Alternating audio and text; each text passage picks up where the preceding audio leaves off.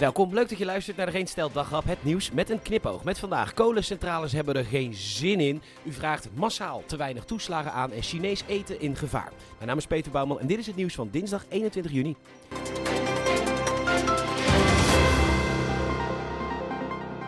Wanneer kregen de kolencentrales te horen dat ze weer voor 100% moesten gaan opereren? Precies wanneer u en ik het hoorden. Of eigenlijk alleen ik, want ik kan me niet voorstellen dat iemand die het nieuws niet professioneel volgt die persconferentie van Jet heeft gezien. Maar goed, toen ik het hoorde, hoorden ook de kolencentrales het, die er totaal geen zin in hebben om die centrales weer op te starten. En dat is niet gek ook, want ze draaiden voor 35% en voor die andere 65% kregen ze gewoon een vergoeding en die vervalt nu.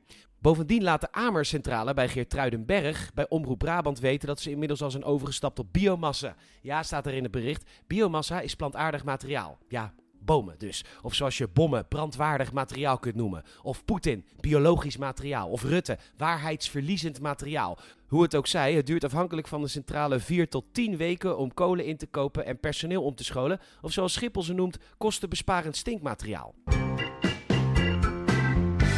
U vraagt massaal te weinig toeslagen aan. Dat concludeert de inspectie Belastingen, Toeslagen en Douane. En zij maken zich daar zorgen over bij nu.nl. Want u heeft recht op zoveel toeslagen. Zorgtoeslag, huurtoeslag, kindgebonden budget, kinderopvangtoeslag. Maar u vraagt het gewoon niet aan.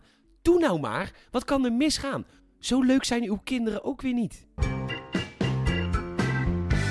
Paniek in de Telegraaf, want er zijn te weinig koks in de Chinese restaurants. Voorheen werden deze koks uit Azië naar Nederland gevlogen en dat kon gemakkelijk vanwege het zogenaamde WOK-akkoord, waarbij de koks gemakkelijk een visum konden krijgen. Maar zoals altijd met regels omtrent werkvisa, er werd grootschalig misbruik van gemaakt. Oh nee, Peter, echt? Ja, echt. Onderbetaling, uitbuiting, mensenhandel, weg WOK-akkoord en nu zijn er dus te weinig koks. En nu schijnt de Chinese keuken een nogal specialistische keuken te zijn en je vindt niet zomaar Chinese koks die dat kunnen.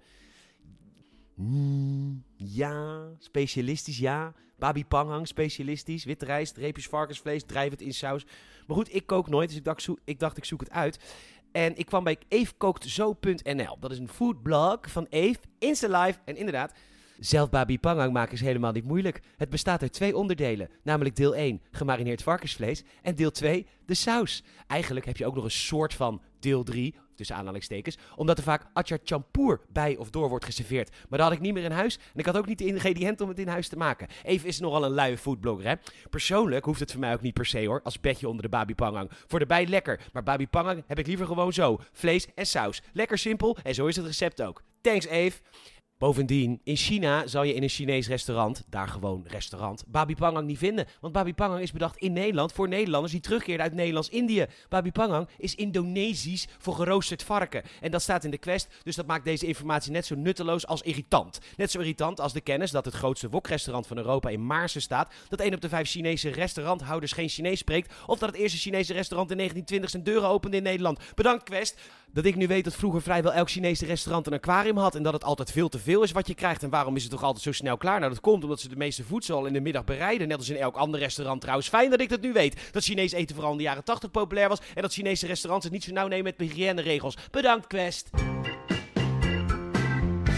In Georgië was gisteren een grote demonstratie. Tienduizenden mensen waren op de been om te protesteren tegen de regering en voor toetreding tot de Europese Unie. Wat grappig is, want Wikipedia kan mij niet vertellen of Georgië überhaupt in Europa ligt. Want het ligt in Trans-Caucasië, in Oost-Europa en West-Azië. Vaag. Maar goed, mensen willen bij de EU, want ze willen beter onderwijs, meer vrijheid en bescherming van mensenrechten. Maar kijk, uh, Georgië, dat, uh, dat kun je gewoon regelen. Want ja, jullie zijn gewoon in principe een democratie. Dus dan kun je gewoon op een partij stemmen die dat allemaal voor je doet. Doen wij ook hoor, in Europa of Nederland. Dan stemmen wij en dan krijgen wij een regering die dat dan allemaal voor ons oplost. Kindertoeslagenaffaire, immigratie, stikstof, klimaat. Ja, dan gaan die partijen die, die, waar dan wij dan voor gestemd hebben, die gaan dat dan oplossen. Mogen wij als Nederland misschien een kandidaat lidmaatschap van Georgië? Bedankt voor het luisteren. Je zal zo enorm helpen als je iemand uit jouw vriendenkring over de Geen Stel Daghap vertelt. Bedankt daarvoor. Je kan ook een Apple Podcast review achterlaten. Dat kan ook via Spotify. Vijf sterren, alsjeblieft. Nogmaals bedankt voor het luisteren. Tot morgen.